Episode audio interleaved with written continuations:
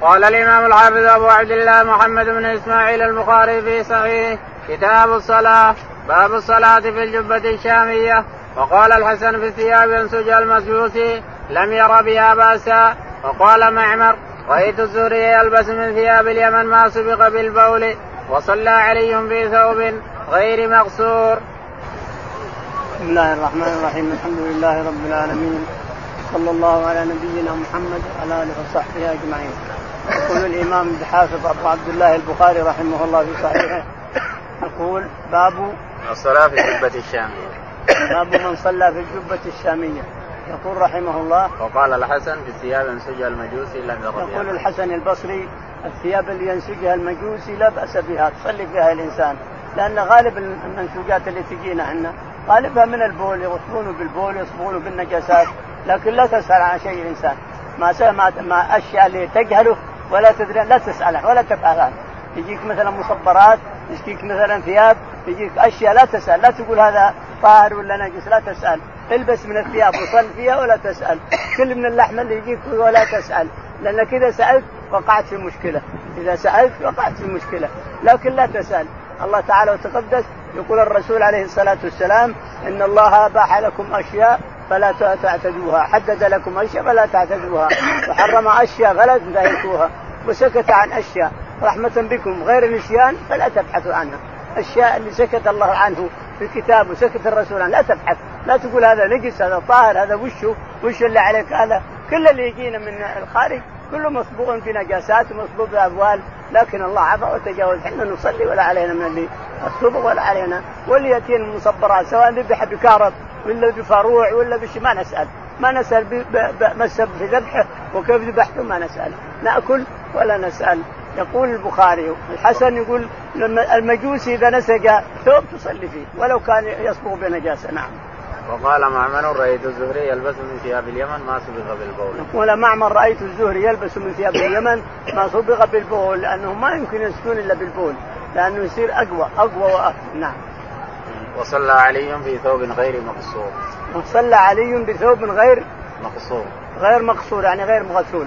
ما غسل الغسل الغسيل والكوي يسمى قصر الصار هو اللي غسل الثياب نعم قال رحمه الله دثنا يحيى قال دثنا أبو معاوية عن الأعمش عن مسلم عن مسروق عن مغيرة بن شعبة رضي الله عنه قال كنت مع النبي صلى الله عليه وسلم في سفر فقال يا مغيرة خذ الإداوة فأخذتها فانطلق رسول الله صلى الله عليه وسلم حتى توارى عني فقضى حاجته وعليه جبة شامية فذهب ليخرج يده من كمها فضاقت فأخرج يده من أسفلها فصببت عليه فتوضأ وضوءه للصلاة ومسى على خفيه ثم صلى.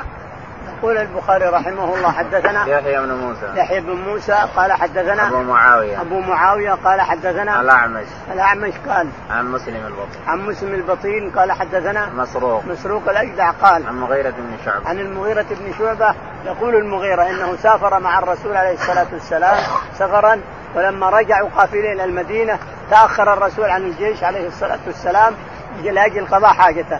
فصار المغيرة هو اللي معهم. يقول فاخذت معي إداوة من ماء سطل فيه ماء وتبعته عليه الصلاة والسلام. فلما توارى عني وقضى حاجته وانتهى وجاء صببت عليه من الماء اللي معي. يقول ثم بعد ذلك؟ أخذ يتوضأ. لما استنجى وانتهى أخذ عليه الصلاة والسلام يتوضأ وأنا أصب عليه وهو يتوضأ. يقول لما أراد أن يغسل ذراعيه ما استطاع أن يخرج الكم. كم الجبة هذه الشامية. يقول وكانت شامية. كم الجبة. يقول شامية منسوجه يمكن بالشام. فالشاهد إنه ما ما استطاع أن يخرج يده كذا لكن رفع أخذ كذا ثم غسل يديه من تحت الجبة لأنه استطاع أن يخرجها أو يغسلها فيها. فأخرج يديه يقول ثم مسح على خفيه. وأردت أن أنزعهما قال دعهما فإني أدخلتهما طاهرتين. نعم. ثم صلى. ثم صلى عليه الصلاة والسلام في تلك العمليات. نعم. باب كراهية التعري في الصلاة وغيرها. قال رحمه الله دثنا مطر بن الفضل قال حدثنا روح قال حدثنا زكريا بن إسحاق قال حدثنا عمرو بن دينار قال سمعت جابر بن عبد الله رضي الله عنهما يحدث أن رسول الله صلى الله عليه وسلم كان ينقل معهم الحجارة كان ينقل معهم الحجارة للكعبة وعليه إزاره. فقال له العباس عمه يا ابن أخي لو حللت إزارك فجعلت على منكبيك دون الحجارة. قال فحله فجعله على منكبيه فسقط مغشيا عليه فما روي بعد ذلك عريانا صلى الله عليه وسلم. يقول البخاري رحمه الله باب كراهية التعري في الصلاة. كراهية التعري في الصلاة وغيرها يعني في جميع الطاعات مكروه التعري لأن الرسول عليه الصلاة والسلام لما تعرض عاد الرسول وش عليه لأنه صفة الخلق عليه الصلاة والسلام ولا ينبغي أن ترى عورته. يقول رحمه الله حدثنا مطر بن الفضل. قال مطر بن الفضل قال حدثنا روح بن عبادة. روح بن عبادة قال قال حدثنا زكريا بن إسحاق. زكريا بن إسحاق قال حدثنا عمرو بن دينار. عمرو بن دينار قال عن جابر بن عبد الله. عن جابر رضي الله تعالى عنه أن أهل قريش لما كانوا يبنون الكعبة والرسول عليه الصلاة والسلام عمره 35 سنة فلما انتهوا من الكعبة وأرادوا كان ينقل معهم الحجارة. كان عليه الصلاة والسلام ينقل معهم الحجارة من أين تأتي؟ من جبل أبي قبيس. الحجارة الكعبة ما تبنى إلا من جبل أبي قبيس من حجارة أبي قبيس. إبراهيم وإسماعيل بنوها من أبي قبيس هذا الجبل. وكذلك قريش لما بنوا الكعبة كان ينقلون الحجاره من جبل أبي قبيس. فلما فالشاهد أنه عليه الصلاة والسلام ما كان عليه رداء. عليه إزار بس حازمه على آخره. فقال له عمه العباس يا ابن أخي لو نزعت الإزار هذا لأن التعري عندهم ما في شيء كاليوم. تعرون قدام الناس ويطوفون عرايا ويبسون. خذ انزع ازارك وحطه على كتفك علشان تأخذ الحجر أو الحجرين وتحطها في لما نزع رداء إزاره ولا على كتفه وقع مغشيا عليه فلم يرى عريانا بعد ذلك اليوم. وقع عليه الصلاة والسلام مغشيا عليه. لأنه غير الناس لأن عورته غير الناس صفوة الخلق هذا. الشاهد أن المسألة لما انتهت فحكموا محمد عليه الصلاة والسلام. قريش لما انتهوا وصلوا إلى الحجر الأسود من يضع الحجر في مكانه قالت قريش كل قبيلة تقول أنا اللي أضعه لأنها لها شرف. اللي تضع في مكان لها شرف. فتخاصموا وكاد أن يقتتلوا. قالوا نحكم من خرج من هذا الباب. فخرج الرسول عليه الصلاة والسلام. قالوا رضينا رضينا. الأمين الأمين. ولما وصل إليهم قالوا له القصة. فقال هاتوا شرشف. جيبوا شرشف. فجاءوا شرشف. ووضع الحجر في وسط الشرشف وقال تأخذ قبيلة كل طرف من أطرافه. كل قبيلة من قبائلكم خذوا طرفا من أطرافه فلما أخذت القبائل كلها بهذا الشرشف أخذ الحجر ووضعه بيمينه عليه الصلاة والسلام. نعم. باب الصلاة في القميص والسراويل والتبان والقباء. قال رحمه الله دثنا سليمان بن حرب قال دثنا حماد بن زيد عن أيوب محمد عن أبي هريرة رضي الله عنه قال قام رجل إلى النبي صلى الله عليه وسلم فساله عن الصلاه في الثوب الواحد فقال أو كلكم يجد ثوبين؟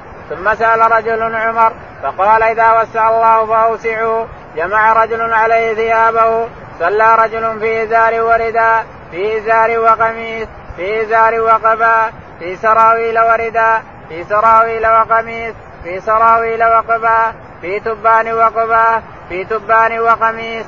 قال واحسبوا قال في تبان ورداء. يقول البخاري رحمه الله حدثنا باب الصلاة في القميص والسراويل. باب الصلاة في القميص والسراويل وغيره ستر العورة. لأن ستر العورة شرط من شروط الصلاة. ستر العورة شرط من شروط الصلاة. والعورة الفاحشة اللي هي من السرة إلى الركبة. وأما الإنسان فإن لك أن تستر نفسك كله. لأن الله قال تعالى وتقدس يا بني آدم خذوا زينتكم عند كل مسجد. يعني عند كل صلاة. خذوا زينتكم عند كل صلاة.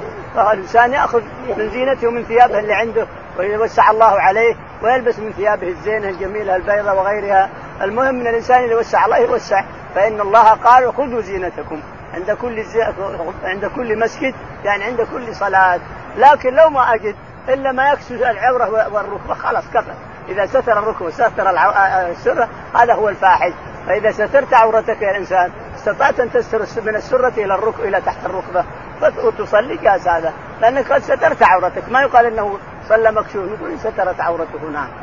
وقال والتبان والقضاء. والتبان التبان هو السراويل القصيرة التي من تستر من الركبة إلى السرة. بس. يعني ما هي طويلة ما هي زاوية سراويل قصيرة من تستر الركبة وتستر السرة. فيصلي فيها الإنسان. نعم. والقضاء. والقباء هو القميص البنطل وغيره وغيره نعم. قال حدثنا سليمان بن حرب. يقول البخاري رحمه الله حدثنا سليمان بن حرب. قال حدثنا حماد بن زيد. حماد بن زيد قال عن أيوب السختياني. عن أيوب السختياني عن قال محمد بن سيرين. عن محمد بن سيرين. عن أبي هريرة. عن أبي هريرة رضي الله تعالى عنه أن النبي عليه الصلاة والسلام قال نعم. قال قام رجل إلى النبي صلى الله عليه وسلم فسأله عن الصلاة في الثوب الواحد. فقال يقول أبو هريرة إن رجلا سأل النبي عليه الصلاة والسلام أن إنسانا معه يصلي بالثوب الواحد؟ قال ولكل أو لكلكم ثوبان. كل واحد منكم بالثوبين ولا ثلاث؟ ما غالبكم ما عنده الا ثوب واحد. نعم يصلي فيه. يصلي في الثوب الواحد نعم. ثم سأل رجل عمر فقال إذا وسع الله فهو اوسع ثم سأل رجل بعد ذلك عمر فقال عمر إذا وسع الله على الإنسان فليوسع. وسع الله عليك حط عندك سراويل وثوب وقميص وبنطلون وغيرها وباص وحط ثيابك اللي تزين بها نفسك عند عند الصلاة. نعم. جمع الله رجل عليه ثيابه صلى رجل في إزار ورداء جمع رجل عليه ثيابه صلى في إزار ورداء صلى في ثوب كامل صلى في قميص وثوب صلى في كله جائز. المهم زي وسع كما وسع الله عليك. نعم.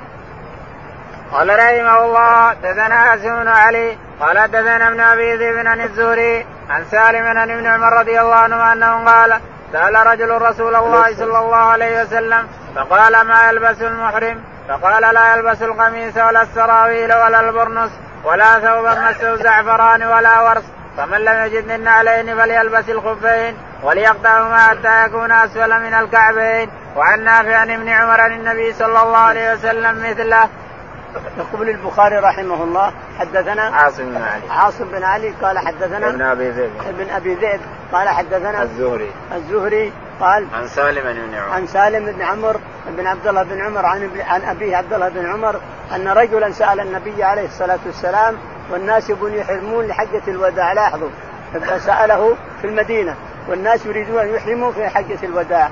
فقال يا رسول الله ما الذي ما يلبس ما الذي يلبسه المحرم؟ فقال لا يلبس السراويل ولا يلبس القمص ولا يلبس الخفين إلا إذا كان ما عنده فليقطعهما وليلبسهما. يقطعهما أسفل من الكعبين. يعني من هنا. يقطعهما من هنا. الكعب لازم يصير بارد. يقطعهما أسفل من الكعبين. الشاهد ولا ولا يلبس سراويل ولا يلبس كذا ولا يلبس كذا. فلما جاء عرفات عليه الصلاة والسلام يقول ابن عباس رضي الله عنه انه قال من لم يجد إزارا فليلبس السراويل. ومن لم يجد نعلين فليلبس الخفين ولا قال يقطعهما. اذا النسخ حديث ابن عمر منسوخ لحديث ابن عباس أنك لا تقطعهما حتى لو سترت الكعبين لأنه افساد للمال. وربنا نهى عن إضاعة المال عن قيل وقال واضاعه المال.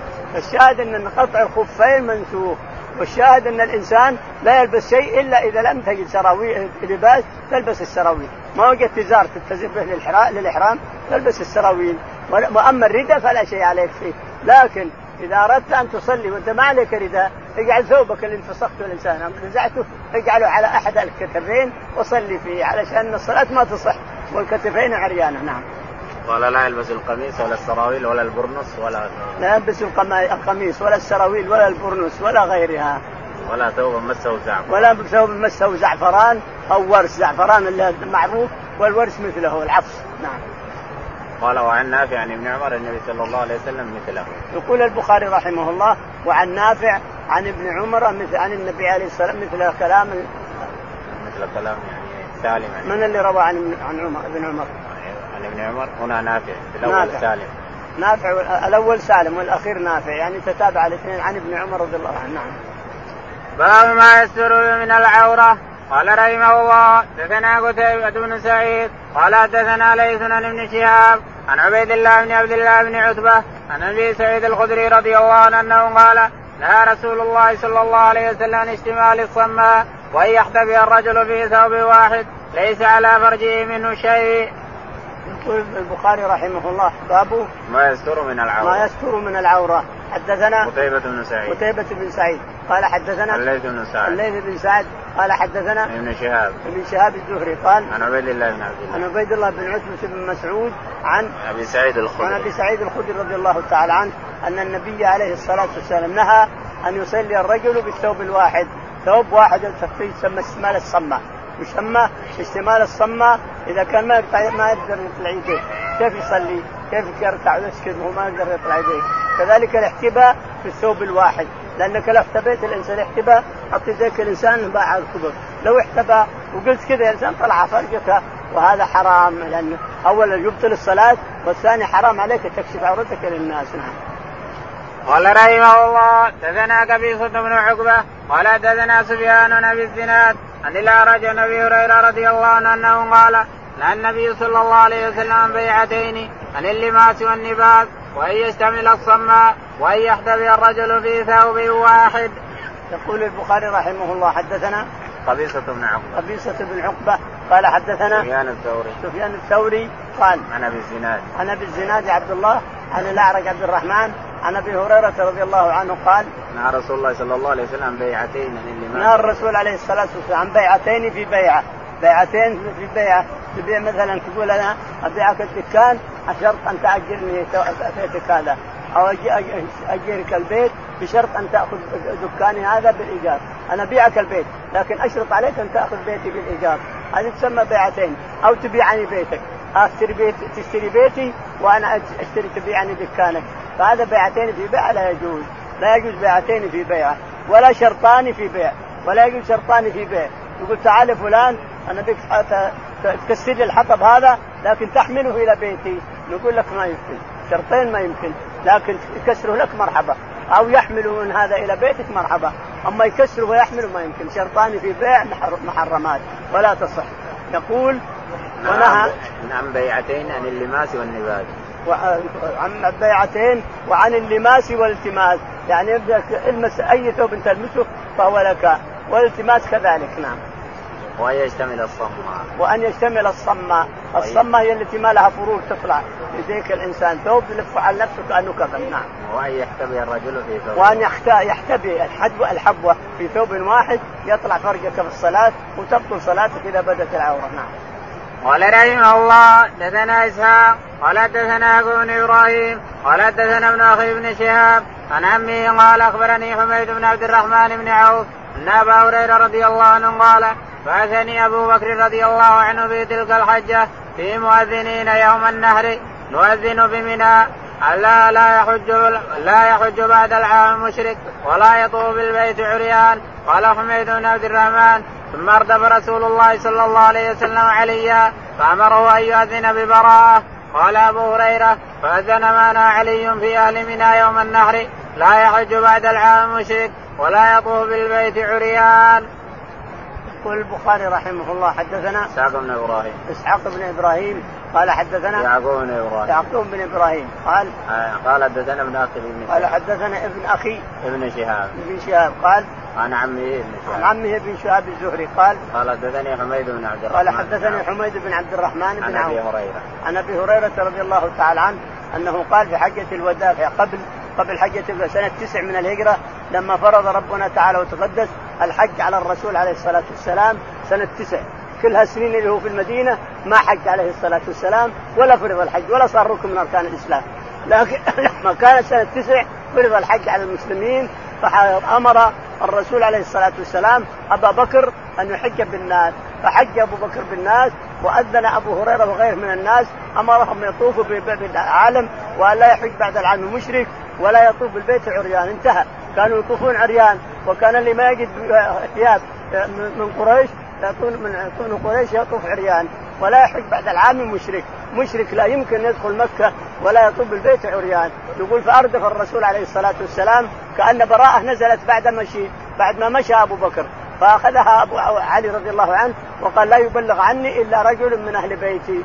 فأخذ براءة وفيها اقتلوا المشركين حيث وجدتموهم وخذوهم واحصروهم واقعدوا لهم كل مرصد. فإن تابوا وأقاموا الصلاة وآتوا الزكاة فخلوا سبيلهم. وكان علي ينادي مع الناس أن أن من بينه وبين الرسول ميثاق فهو قريب فهو إلى مدته. ومن ليس بينه وبينه فهو نفي خلاص انتبهت المواعيد المواعيد والمواثيق كلها كلها لغت. خلاص إلا اللي ميثاقه قريب فإلى مدته. وكان يصيح علي رضي الله عنه والمسلمون في منى على الناس. هذا كله توطئة لحجة الرسول على سنه عشر حجة الرسول سنة عشر أن الرسول بيحج خلاص. بلا حج الرسول ما يمكن يطوف بالبيت عريان ولا يخالطه مشرك. والشاهد أنه لما نزلت براءة أذن بالقتال. أذن للناس أن يقاتل الرسول أن يقاتل بالسيف. نزلت سورة براءة ونزلت ونزل السيف. نعم. باب الصلاة بغير رداء قال رحمه الله حدثنا عبد العزيز بن عبد الله قال حدثني ابن أبي المغالي عن محمد بن المنكدر قال دخلت على جابر بن عبد الله رضي الله عنهما يصلي في ثوب ملتحفا به ورداؤه موضوع. فلما انصرف قلنا يا أبا عبد الله تصلي ورداؤك موضوع. قال نعم أحببت أن يراني الجهال مثلكم. رأيت النبي صلى الله عليه وسلم يصلي هكذا. يقول البخاري رحمه الله وهذا قد مضى مرتين. حديث جابر هذا مضى مرتين. يقول باب الصلاة في الرداء بغير رداء. بغير رداء والرداء موجود عنده. يقول حدثنا عبد العزيز بن عبد الله. عبد العزيز بن عبد الله قال حدثنا عبد الرحمن بن أبي الموالي. عبد الرحمن بن أبي الموالي. قال حدثنا محمد بن المنكدر. محمد بن المنكدر. قال قال دخلت على جابر بن عبد الله. يقول محمد دخلت على جابر رضي الله عنه وهو يصلي وهو يصلي بثوب واحد مستحث ثوب واحد والرداء وثيابها الزينة والنظيفه في المشكب عنده معلقه فلما انتهى قلت يا أبا عبد الرحمن كيف تصلي بثوب واحد وعندك المشكبه؟ قال أردت أن يسألني يراني الجهال مثلكم فيستفيدون أو يقولون ما قلتم. رأيت الرسول عليه الصلاة والسلام يصلي في ثوب واحد. هذا الشاهد أنه يصلي في ثوب واحد يخالف بين الطرفين هنا وهنا. ولو كان عنده رداء يعني. باب ما يذكر في البخل ويروى عن ابن عباس رضي الله عنهما وجرهد ومحمد بن جحش رضي الله عنهم عن النبي صلى الله عليه وسلم الفخذ عورة وقال أنس حسر النبي صلى الله عليه وسلم فخذه وحديث انس أسند وحديث جراد أحوط حتى يخرج من اختلافهم وقال أبو موسى غطى النبي صلى الله عليه وسلم ركبتيه حين دخل عثمان وقال زيد بن ثابت رضي الله عنه أنزل الله على رسوله وفخذه على فخذه فثقلت علي حتى خفت أن ترد فخذي. يقول البخاري رحمه الله باب ما يذكر في الفخذ ما يذكر في الفخذ يعني أنه عورة، الفخذ عورة لا شك في هذا، الفخذ إن انحسر عن الركبة فهو عورة، الصلاة تبطل الصلاة ولازم تعيد صلاتك الإنسان إذا انكشف في الصلاة بطلت الصلاة لازم تعيد الصلاة. لأن شرط من شروط الصلاة ستر العورة. وإذا انكشف شيء من العورة لازم تعيد الصلاة. يقول البخاري رحمه الله. ويروى عن ابن عباس وجرهد ومحمد بن ويروى عن ابن عباس وجرهد ومحمد بن جحش. بن جحش نعم. عن النبي صلى الله عليه وسلم الفخذ عورة. عن النبي عليه الصلاة والسلام الفخذ عورة نعم. وقال أنس حسر النبي صلى الله عليه وسلم عن فخذه. وقال أنس حسر النبي عليه الصلاة والسلام عن فخذه. عاد يقول البخاري نعم. وحديث قال أبو عبد الله وحديث أنس أسند. يقول أبو عبد الله حديث أنس أسند يعني أصح سند. وحديث جرهد أحوط. أحوط. حديث جرهد أحوط. لا لا تكشف شيء من شيء من حو... من فخذك وحديث أنس أن اسند يعني سنده أصح وأقوى ويصل إلى الرسول. أما جرهد فحديثه أحوط. يعني أحوط لك الإنسان. ألا حديث أنس سيأتينا في مسألة بئر انيس وأن الرسول كشف عن فخذيه إلى آخره. وأن فخذ الرسول كانت تحك فخذه في خيبر إلى آخره. نعم. حتى يخرج من اختلاف. البخاري يرى أن حديث جرهد احوط وحديث أنس أسند ليخرج من الخلاف نعم. وقال أبو موسى غطى النبي صلى الله عليه وسلم ركبتيه حين دخل عثمان. يقول أبو موسى الأشعري غطى النبي عليه الصلاة والسلام فخذيه حينما دخل عثمان قال على أستحي من رجل تستحي منه الملائكة قصة البير بير اريس ستأتي نعم. وقال زيد بن ثابت أنزل الله على رسوله وفخذه على فخذه. يقول زيد رضي الله عنه وهو الكاتب للرسول كاتب الوحيد أحيانا هو الحال يكتب. وإن كان فيه كتبة لما أسلمت مكة كثروا الكتبة. عبد الله بن احمد أحمد بن عبد الله بن سرح ومعاوية وفلان وفلان كثروا الكتبة الذي يكتبون. لكن قبل في المدينة ما كان يكتب ويكتب العبرية ويتعلم لسان اليهود إلا زيد بن ثابت رضي الله عنه. يقول زيد كان نزل على الرسول عليه الصلاة والسلام القرآن وفخذه على فخذي حتى كدت أن أن فخذه ترد فخذي من الثقل. من ثقل ما نزل عليه عليه الصلاة والسلام. قال رحمه الله دثنا يعقوب بن إبراهيم قال دثنا إسماعيل بن عليا قال دثنا عبد العزيز بن صهيب عن أنس رضي الله عنه أن رسول الله صلى الله عليه وسلم غزا خيبر فصلينا عندها صلاة الغداء بغلس فركب نبي الله صلى الله عليه وسلم وركب أبو طلحة وأنا رديف أبي طلحة فأجرى نبي الله صلى الله عليه وسلم في زقاق خيبر وإن ركبتي لتمس فخذ نبي الله صلى الله عليه وسلم ثم عسر الازار عن فخذه حتى إني أنظر إلى بياض فخذ نبي الله صلى الله عليه وسلم فلما دخل القرية قال الله. الله أكبر خربت خيبر إنا إذا نزلنا بساحة قوم فساء صباح المنذرين قالها ثلاثا قال وخرج القوم إلى أعمالهم. فقال محمد قال عبد العزيز وقال بعض أصحابنا والخميس يعني الجيش. قال فأصبناها عنوة فجمع السبي فجاء دحية رضي الله عنه فقال يا نبي الله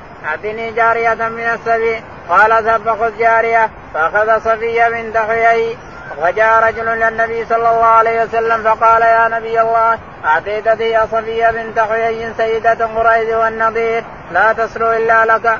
قال ادعوه بها فجاء بها. فلما نزل إلي النبي صلى الله عليه وسلم قال خذ جارية من السبي غيرها.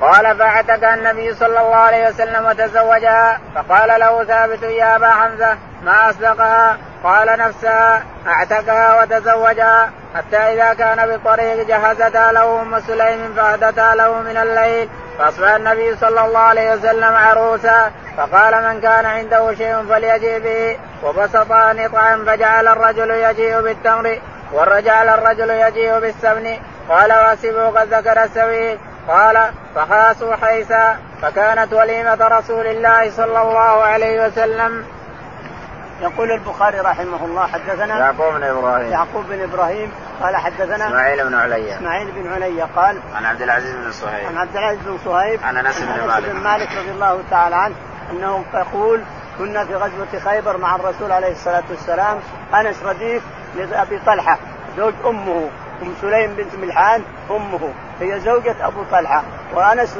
رديفا لأبي طلحة ناقته. يقول والرسول عليه الصلاة والسلام يبرى لنا مع الناقة. يقول وإن رجلي رجلي لتمس ركبتي تمس فخذ الرسول عليه الصلاة والسلام حتى حسر الرداء اللي عليه وهو على ناقته عليه الصلاة والسلام رايته له ثم يرده عليه الصلاة والسلام. الشاهد يقول لنا اجرينا في الشوارع في السكك لما صلى الفجر بغلس ثم دخل على اليهود فلما طلعت يهود بعد طلوع الشمس أو قبله تريد أن تعمل مساحية وغيرها. قال إن إذا دخلنا خربت خيبر إن إذا أتينا قوما فساء إذا صباح نزلنا بساحة قوم نعم. إن إذا نزلنا بساحة. إن إذا نزلنا بساحة قوم فساء صباح المنذرين. يقول فطلعت اليهود ورأوا الرسول فقال بعضهم لبعض محمد والجيش محمد والخميس. الخميس يعني الجيش برضه لأنه من ثلاث فرق. الجيش إذا وزع يوزع من ثلاث فرق مقدمة مقدمة ومؤخرة وقلب وجناحين هنا وهنا خمسة فرق. الجيش يقول والخميس يعني الجيش الذي هو خمس فرق مقدمة ومؤخرة وقلب وجناحين يمين ويسار. أو يسمى الخميس لأنه من خمسة فرق خمسة جيوش توزع. الشاهد أن الرسول عليه الصلاة والسلام أخذها عنوة ولما فتح ولها قصة لكن اختصرها البخاري توجد في بعض الكتب لغير البخاري أن الرسول عليه الصلاة والسلام قال لعلي اذهب وادعهم إلى الإسلام فإن أبوا فادعهم إلى الجزية فإن أبوا فقاتلهم. فذهب علي رضي الله عنه وخرج له بطل من أبطال يسمى مرحب من أبطال اليهود يسمى مرحب.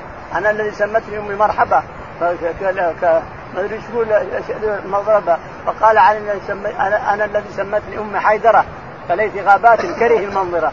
ثقيلكم بالسيل كانت المنظرة. فقتل مرحب ثم أتى إلى الباب هرب اليهود. لما راوا رئيسهم قتل هربوا وقفلوا الباب الحديد فنزل علي رضي الله عنه فرس وأخذ درفة من الباب ورماها وراء ودخل القصر. وألغمهم رغما أن يجتمعوا كلهم حتى يسبيهم.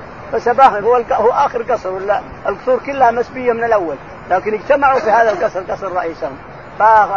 فانتهى الشيء. وقسم الرسول عليه الصلاة والسلام قبل أن يقسم الغنائم أتى دحيه الكلب رضي الله عنه قال يا رسول الله أعطني جارية من السبي. يعني ما عنده جارية ولا عنده زوجة. فقال اذهب خذ جارية من السبي. فذهب دحيه وأعجبته صفية بنت حيي فأخذها. فقال له أحد الصحابة يا رسول الله أعطت دحية بنت سيدة النظير سيده اليهود بكاملهم. بن النظير هي بنت حيي بن فقال ادعوه بها فجاء فلما رأى صفية عليه الصلاة والسلام قال اذهب وخذ جاريه غيرها. خذ من السبي جاريه هذا قبل قسم قبل قسم الجازم الرسول يعطي قبل أن يقسم وبعد ذلك قسمت خيبر. ثم بعد ذلك لما انتهى عليه الصلاة والسلام من تقسيم خيبر على الصحابة خرج عليه الصلاة والسلام من خيبر قافلا إلى المدينة. ولما وصل إلى الصهبه جبل كبير أخضر تعدى من 30 كيلو أو يعني بعد عرفة عن مكة. 30 كيلو 40 كيلو نزل عليه الصلاة والسلام في الجبل هذا. ثم أم طلحة ام أم سليم سنعت ونشطتها وصلحتها ودخل ودخل عليها الرسول عليه الصلاة والسلام وجعل الزبير وعبد الرحمن بن عوف يحرسانه من الخيمة. حتى ما دراه ولما سمع الصوت من؟ قال واحد عبد الرحمن بن عوف وقال الثاني الزبير بن عوام نحرسك يا رسول الله؟ لأن ما ندري اليهود لو يتبعونا ويقتلونك وانت ما عندك أحد. صاروا يحيطون بالخيمة لئلا يؤتى الرسول من الخيمة فدعا لهما الرسول عليه الصلاة والسلام. دعا لهما لما انتهى قال الصحابة هل هي أم ولد؟ يعني جارية وإلا أم من أمهات المؤمنين؟ إن كانت من امهاتهم فستستر وإن كانت أم ولد فهو يركبها على حال. فلما خرج عليه الصلاة والسلام نادى بالسويق ليكون وليمة له. نادى بالأطعمة. فجاء الصحابة رضي الله عنهم وفرشوا نطع ونطعين ثم كل من عنده مبسطة قول الرسول أولم بشاة هذا صحيح. إن بغيت تولم بشاة وأنت تستطيع أولم بشاة لكن لو ما تستطيع شاة أولم بأقط أولم بالرز أولم بشاة اطبخ رز اطبخ لحم ما خاف كل واحد. لأن الشريعة سهلت لك كل شيء. وليمة العرس أقل حاجة تكفيك الإنسان. أقل حاجة تكفيك لكن استطعت أن تذبح شاة فهو أفضل أولم ولو بشاة نعم فقال له ثابت يا أبا حمزة ماذا أصدقها؟ قال نفسها اعتقد. قال له ثابت البناني يا أبا حمزة يعني أنس بن مالك ماذا أصدق صفية؟ قال نفسها اعتقها وجعل عتقها صداقة عليه الصلاة والسلام قال بعتقك شاورها قال يريد أن أعتقك ولكن عتقك صداقة اشترط لأنك ملكك ملكه فأنت عندك جارية الإنسان ملكك تملكها لكن تقول لها ابعتك لله لوجه الله لكن ابى شرط هذا.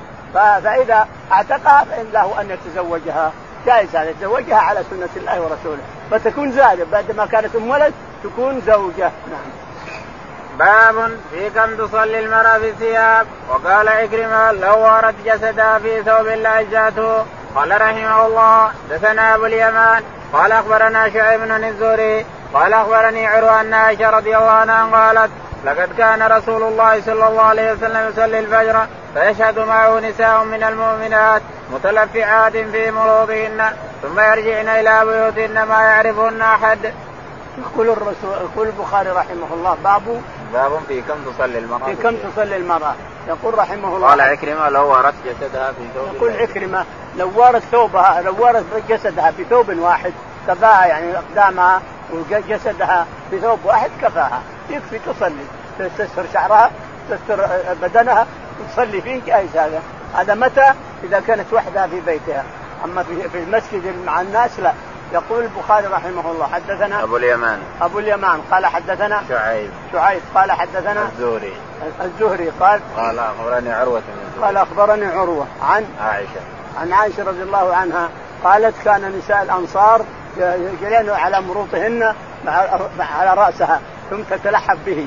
وكان الصلاة يصلي الرسول عليه الصلاة والسلام بغلط. فينصرف النساء وهن لا يعرفن من الظلمة. ظلام. تسلم تجعل على رأسها مرض ولا تعرف لأن المرأة تمشي بالليل ولا تدري مرأة ولا سواد. لأنه يصلي بغلط يعني ما ما يصبح. وهذا أفضل. صلاة الفجر أن تصلي بغلس أفضل. نعم. باب إذا صلى في ثوب له أعلام ونظر إلى علمها. قال رحمه الله دثنا أحمد بن يونس. قال دثنا إبراهيم بن سعد. قال دثنا ابن شهاب عن عروان عائشة رضي الله عنها أن النبي صلى, صلى الله عليه وسلم صلى في خميصة لها أعلام فنظر إلى أعلامها نظرة. فلما انصرف قال اذهبوا بخميصة هذه إلى أبي جهم وأتوني بأنبجانية أبي جهم فإنها ألهتني آنفا عن صلاتي. فقال هشام بن عروان أبي أنا عائشة رضي الله عنها قال النبي صلى الله عليه وسلم كنت أنظر إلى علمها وأنا في الصلاة فأخاف أن تفتنني. يقول البخاري رحمه الله باب الصلاة إلى في ثوب له أعلام. في ثوب له أعلام. يعني الصلاة في سجادة لها أعلام قد تلهيك الإنسان أعلامها. السادة اللي ما لها أعلام مثل السجادة هذه أحسن وأفضل لأن ما فيها شيء يلهيك الإنسان. يقول البخاري رحمه الله حدثنا أحمد بن يونس. أحمد بن يونس قال حدثنا إبراهيم بن سعد. إبراهيم بن سعد قال عن ابن شهاب. عن ابن شهاب الزهري عن عروة عن عائشة. عن عروة بن الزبير عن عائشة رضي الله تعالى عنها أن النبي عليه الصلاة والسلام صلى في ثوب له أعلام وكان ينظر إلى أعلامه. ولما انتهى من الصلاة قال ائتوني بانبجيه خذوا هذه أدوها أبي جام وأتوني بانبجيه يعني سجادة كبيرة ما فيها أعلام. اتوني بها فإن هذه ألهتني أعلامها.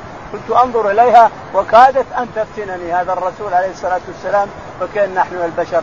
نحن أقل حاجة ننفتن ما فالشاهد أنهم أتوا بسجاده أبي جهم وأخذوا سجادة الرسول أعطوه إياها. مع أن هذه أجد وأفضل وأكثر ثمن وهذه قد تكون مستعملة لكن يقول الرسول عشان الأعلام ما فيها. نعم.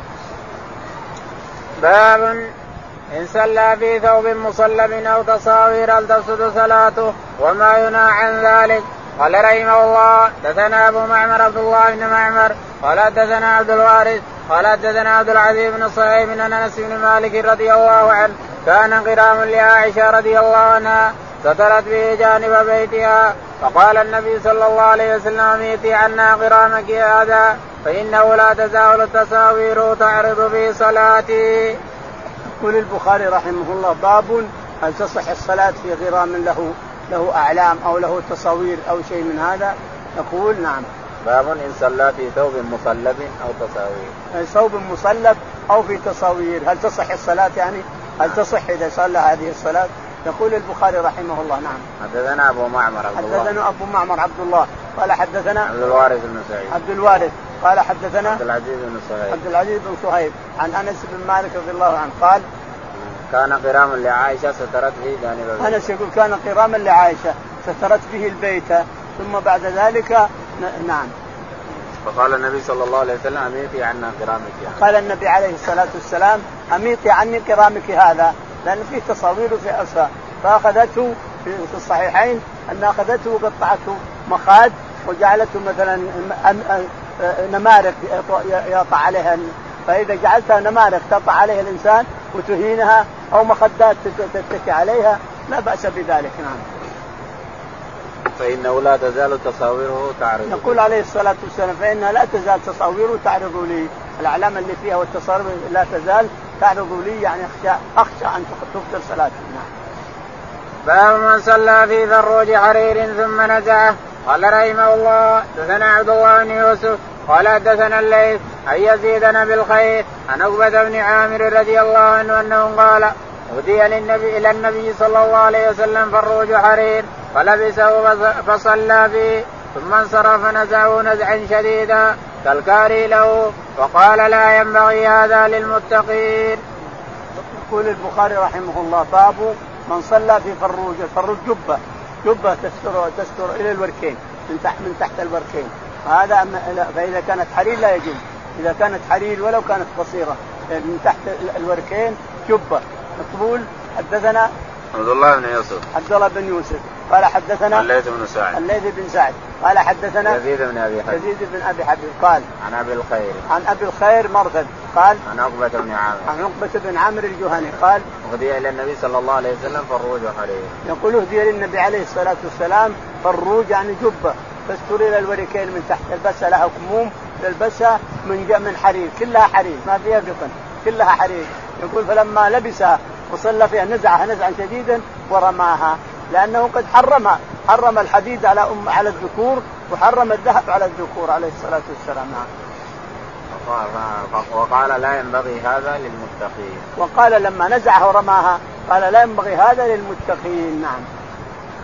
باب الصلاة في الثوب الأحمر قال رحمه الله دثنا محمد بن عرعرة قال دثنا عمر بن أبي زايدة عن ابن أبي جحيفة عن أبي رضي الله عنه قال رأيت النبي صلى الله عليه وسلم في قبة حمراء من أدم ورأيت بلال رضي الله عنه أخذ وضوء رسول الله صلى الله عليه وسلم ورأيت الناس يبتدرون ذلك الوضوء فمن أصاب منه شيئا تمسى به ومن لم يصب منه شيئا أخذ من بلل يد صاحبه ثم رأيت بلالا أخذ عنزة فركزها وخرج النبي صلى الله عليه وسلم في حلة حمراء مشمرا صلى إلى العنزة بالناس ركعتين ورأيت الناس والدواب يمرون من بين يديه العنزة. يقول البخاري رحمه الله باب الصلاة في الثوب الأحمر. باب الصلاة في الثوب الأحمر، هل تضر صلاة تضرها الصلاة؟ إذا صار ثوب ثوبك أحمر هل تضرك صلاتك الانسان؟ ثوبي أحمر لكنه طاهر ما هو نجس فهل تضر صلاتي؟ يقول رحمه الله حدثنا محمد بن عرعرة. محمد بن عرعرة. قال حدثنا عمر بن أبي زايدة. عمر بن أبي زايدة. قال عن عون بن أبي جحيفة. عن عوف بن عبد الرحمن. عون بن أبي جحيفة. عون بن أبي جحيفة. عن أبي عن أبي جحيفة وهب بن عبد الله السوائي. قال رأيت النبي صلى الله عليه وسلم في قبة حمراء من آدم. يقول أبو جحيفة رأيت النبي عليه الصلاة والسلام في قبة حمراء يعني خيمة. خيمة حمراء أحيانا تكون من جلود واحيانا تكون من سلوك واحيانا تكون من قطن واحيانا تكون قبة قبة حمراء قبة قاعد فيها. فخرج عليه الصلاة والسلام مشمرا إزاره. يعني رافع الإزار قليل مشمرا. خرج في حلة حمراء في حلة حمراء. هذا الشاهد أن الحلة اللي على الرسول حمراء وهناك قبة وهنا حلة حمراء. وكان توضأ الناس طلب الناس الوضوء فأخذ عليه الصلاة والسلام قليلا ثم وضع يده فيه فتوضأ الناس كلهم. ثم أذن بلال فركز عنزة وكان الناس يمرون من بين يدي العنزة يعني من وراها وكان هم. وورد أنه في بطحان وورد أنه في الابطح المهم إنه ركز العنزة وصلى الرسول عليه الصلاة والسلام وراء هذه العنزة نعم. قال ورأيت بلالا أخذ وضوء رسول الله صلى الله عليه وسلم ورأيت الناس يبتدرون ذاك رأيت رسول بلال أخذ وضوء الرسول لما انتهى الرسول توضي أخذه بلال وأعطاه الناس فصار الناس يقتتلون عليه ويوزعونه كل يريد أن يأخذ منه تبركا بالرسول عليه الصلاة والسلام نعم. باب الصلاة في السطوح والمنبر والخشب قال أبو عبد الله ولم يرى الحسن باسا أن يصلى على الجمد والقناطر وإن جرى تحتها بول أو فوقها أو أمامها إذا كانت بينها إذا كان بينهما سترة وصلى أبو هريرة على سقف المسجد بصلاة الإمام وصلى ابن عمر على الثلج. يقول رحمه الله البخاري الصلاة في السطوح والمنبر. الصلاة في السطوح والصلاة على الجليد على النهر الجامد البحر الجامد أو نهر جامد. والصلاة على كل جائز هذا. الشهادة المهم أن يكون طاهر مباح. بس المهم اللي بتصلي عليه. هذه الأرض اللي بتصلي عليها. يجب أن تكون مباحة ويجب أن تكون طاهرة. والباقي كله ما يهم. سواء كانت حجارة ولا جليد من الماء وإلا شيء من هذا وإلا بحر ولا المهم أن يكون طاهر مباح فقط. هذا المشروط. والباقي تصح الصلاه عليه. يقول وقال حسن لم يرى الحسن باسا أن يصلى على الجمد والقناطر. يقول الحسن لم يرى أن يصلى على الجمد والقناطر. الجنب الجمد. الجم الجمد الجمد. يعني الماء الجامد تصلي عليه الإنسان إذا كنت تستطيع. تعد سجادة تصلي على الجمد يعني الماء الجامد ان تصلي على الجمد. والقناطر. والقناطر أيضا. تصلي فوقها. الماء يجري تحتك وأنت فوقها الانسان جائز هذا. وإن جرى تحتها بول أو فوقها أو امامها حتى لو كان البول يجري من تحتها. الحين يصلون الناس والفحص هذا اللي يسمونه الفحص الصحي يجري من تحت الناس لكن ما يضرهم. وإن كان الرسول عليه الصلاة والسلام قال سبعة لا يحل الصلاة فيها. الحمام يعني فوقه وتحته. لكن هذا ما يسمى حمام. هذا وادي يمشي. يسمونه الفحص الصحي. هذا يمشي تحت المسجد والناس يصلون عليه ما يضره. ولأنه بول أبوال ونجاسات تمشي والناس يصلون من تحت المسجد إلى آخره. نعم. إذا كان بينهما سترة. إذا كان بينهما سترة يعني أن بينك وبينه سترة سقف. مثلا وهذا النجسات تمر من تحتك وبينك وبينها سقف لكن لو كان حمام معد فإن لا تصح الصلاة. لا في سطحه ولا في آه، تحته ولا في. لا تصح الصلاة في الحمام ولا في سطحه ولا في أرضه تحت. قعر الحمام لا تصح الصلاة في هذا. سبع مواطن لا تصح الصلاة. فوق ظهر بيت الله وفي الحمام وعند القبور إلى آخره وصلى أبو هريرة على سقف المسجد بصلاة الإمام. وصلى أبو هريرة على سطح المسجد بصلاة الإمام. المشترط أن ترى الإمام أو ترى من وراءه. المشترط في الاقتداء اقتداء المأموم وصحة صلاته أن يرى الإمام أو يرى من وراءه. تشوف الإمام الإنسان أو تشوف من وراءه. سواء كانت في السقف في سطوح الحرم وتقتدي بالإمام لكن المهم أنك تشوف الإمام أو تشوف الصفوف اللي وراه تقتدي بهما. أن يرى الإمام أو يرى من وراءه. هذا الشرط. فإذا رأيت الإمام أو رأيت من وراء صحت الصلاة لكن احذر ان لا يكون بينك وبينه وادي يمشي ولا شارع تمشي في السيارات ولا الرجل ولا شيء فإن لا تصح الصلاة. نعم. قال وصلى ابن عمر على الثلج. وقال صلى ابن عمر على الثلج يعني مكان فيه ثلج صلى عليه حط فيه ثوب ولا شيء وصلى عليه نعم.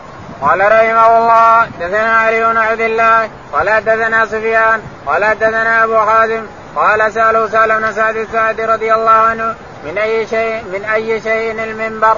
فقال ما بقي بالناس أعلم مني هو من اثر الغابة عمله فلان مولى فلانة لرسول الله صلى الله عليه وسلم وقام عليه رسول الله صلى الله عليه وسلم حين عمل فوضع فاستقبل القبلة كبر وقام الناس خلفه وقرا وركع وركع الناس خلفه ثم رفع رأسه ثم رجع القهقرى فسجد على الأرض. ثم عاد إلى المنبر ثم ركع ثم رفع رأسه ثم رجع القهقرى حتى سجد بالارض فهذا شأنه. قال أبو عبد الله قال علي بن عبد الله سألني أحمد بن محمد رحمه الله عن هذا الحديث. قال فإنما أردت أن النبي صلى الله عليه وسلم كان أعلى من الناس فلا بأس أن يكون الإمام أعلى من الناس بهذا الحديث. قال فقلت إن سفيان بن عيينة كان يسأل عن هذا كثيرا فلم تسمعه منه. قال لا. يقول البخاري رحمه الله باب باب الصلاه في السطوح تابع باب الصلاه في السطوح في السطوح نعم في السطوح والمنبر والخشب. المنبر والمنبر والخشب. يقول رحمه الله حدثنا علي بن عبد الله. علي بن عبد الله المديني. قال حدثنا سفيان بن عيينة. سفيان بن عيينة. قال قال حدثنا أبو حازم قال حدثنا أبو حازم الصغير. قال قال سالوا سهل بن سعد قال سالوا سهل, سهل بن سعد الساعدي رضي الله عنه عن منبر الرسول من أي شيء؟ قال هو من الطرفة بعضهم يقول من الطرفة وهذا سهل يقول إنه من الاثل، الاثل والطرف سوا سوا سوا. إلا أن الطرفة أمس اصلب اصلب عود من من الاثل، الاثل يسقف به البيوت لكن الطرفة هي اللي تحط عمود تحط عليها عمود ثاني وتسقف عليه الإنسان لأنه صلب. عود الطرفة صلب. عود الاثل كذلك لكنه أقل شوية. يقول رحمه الله يقول ما, ما فيه أحد أعلم مني بهذا. اشتغل المنبر زين له بأمر من من فلانه بنت فلان. قالت يا رسول الله ألا أقول لمولاي فلان عبدها هو نجار يسوي لك منبر؟ قال لا بأس أو انه هو طلب منها أن عبدها يسوي لها مملوكة يسوي له منبر. وأخذ ثلاثة أيام ثم أتى بالمنبر في المسجد. وكان يخطب عليه الصلاة والسلام الناس على جذع جذع قائم يتمسك به ثم يخطب عليه. الشاهد أنه لما أتى المنبر يقول سهل بن سعد طرق الرسول عليه الصلاة والسلام على الدرجة الثانية ثم كبر. لما كبر كبر الناس ثم ركع. ركع ركع الناس وهو مرتفع مرتفع عنهم. ثم لما اراد أن يسجد تقهقر وراء ثم سجد على الأرض. ثم عاد إلى المرمره حتى انتهت الصلاة وهو أحيانا يرتفع الركوع والقيام يرتفع وفي السجود يرجع ويسجد. عاد يقول سأل الإمام أحمد إسحاق بن راهوي. علي ما هو علي بن المديني. سأل علي بن المديني عن هذا الحديث وصحته فأخبره أنه صحيح قال هل المقصود به أن الإمام لو ارتفع عن المأمون صحة الصلاة؟ قال هذا ما أفهمه. قال ما قال لك سعيد يحيى بن سعيد القطان شيء؟ قال لا سفيان. سفيان بن عيينة ما قال لك شيء اللي هو شيخ علي؟ قال ما سمعت منه شيء. لكن علي بن المديني قال له أحمد بن حنبل هل يرى أن هذا علشان الإمام لو ارتفع على الناس صحة الصلاة؟ قال هذا ما أرى أنا هذا ما أرى أنا. لكن سفيان ما قال لي شيء. سفيان بن عيينة شيخه ما قال لك شيء؟ تساله أحمد بن حنبل قال لا ما قال لي شيء. الصحيح أن الإمام أحمد أنه لو ارتفع الإمام عن الجماعة جاز جازت الصلاة. لو ارتفع الإمام عن الجماعة صحت الصلاة. أو ارتفع الجماعة عن الإمام وراه ناس معه ناس يصلون وراءه الإمام وناس مرتفعين عليه جاز للحاجة يجوز كل شيء. للحاجة كل شيء يجوز. نعم. اللهم اهدنا فيمن هديت وعافنا فيمن عافيت وتولنا فيمن توليت. اللهم توفنا مسلمين وألحقنا بالصالحين يا رب العالمين. وطعام جاء به وكبه. التمر وال